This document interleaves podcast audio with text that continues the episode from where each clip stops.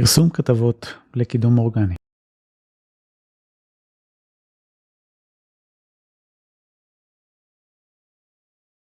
אז זה מסוג הדברים האלה שאפשר לפרש את זה בכמה דרכים, שתי דרכים לפחות. יכול להיות שמישהו מחפש את זה, התכוון לפרסום כתבות באתר עצמו, על מנת שזה יקדם את האתר, יאפשר לקדם את האתר על יותר חיפושים במצטבר, דרך זה להביא כניסות, וחלק מהכניסות תמיד, אחוז מסוים, קטן מאוד בדרך כלל, ישאיר לידים או יקנה מה שזה לא יהיה, כל אתר והמטרה שלו. אופציה שנייה שאפשר לפרש את החיפוש הזה, זה פרסום כתבות באתרים חיצוניים שמקשרים לאתר.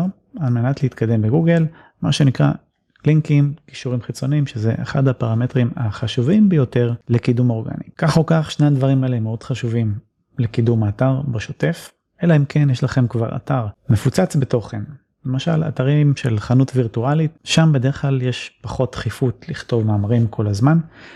בלוג בחנות זה אחלה וזה מגניב והכל, אבל אם האתר לא עבר אופטימיזציה ואין לו קישורים בכלל, כתיבת מאמרים זה פחות מה שצריך להיות בעדיפות שלכם, אבל אם זה אתר תדמיתי עם שתיים וחצי עמודים שאין בו בשר, אין בו מה לקדם, אז כתיבת מאמרים זה סופר חשוב בתור התחלה, הרבה יותר מכישורים, כי אתם צריכים קודם שתהיה לכם תשתית, שיהיה בשר, שיהיה עם מה לעבוד, שיהיה בעצם מה לקדם, בלי זה אין בכלל מה לדבר. אז בסופו של דבר כל מקרה לגופו, גם לינקים, גם כתבות לאתר וגם אופטימיזציה, הכל מאוד חשוב לקידום האורגני, אבל אתם צריכים לדעת לתעדף את המשימות ולפעול בהתאם. מידע נוסף אתם יכולים למצוא בשפע מדריכים שיש לי באתר, שיהיה בהצלחה.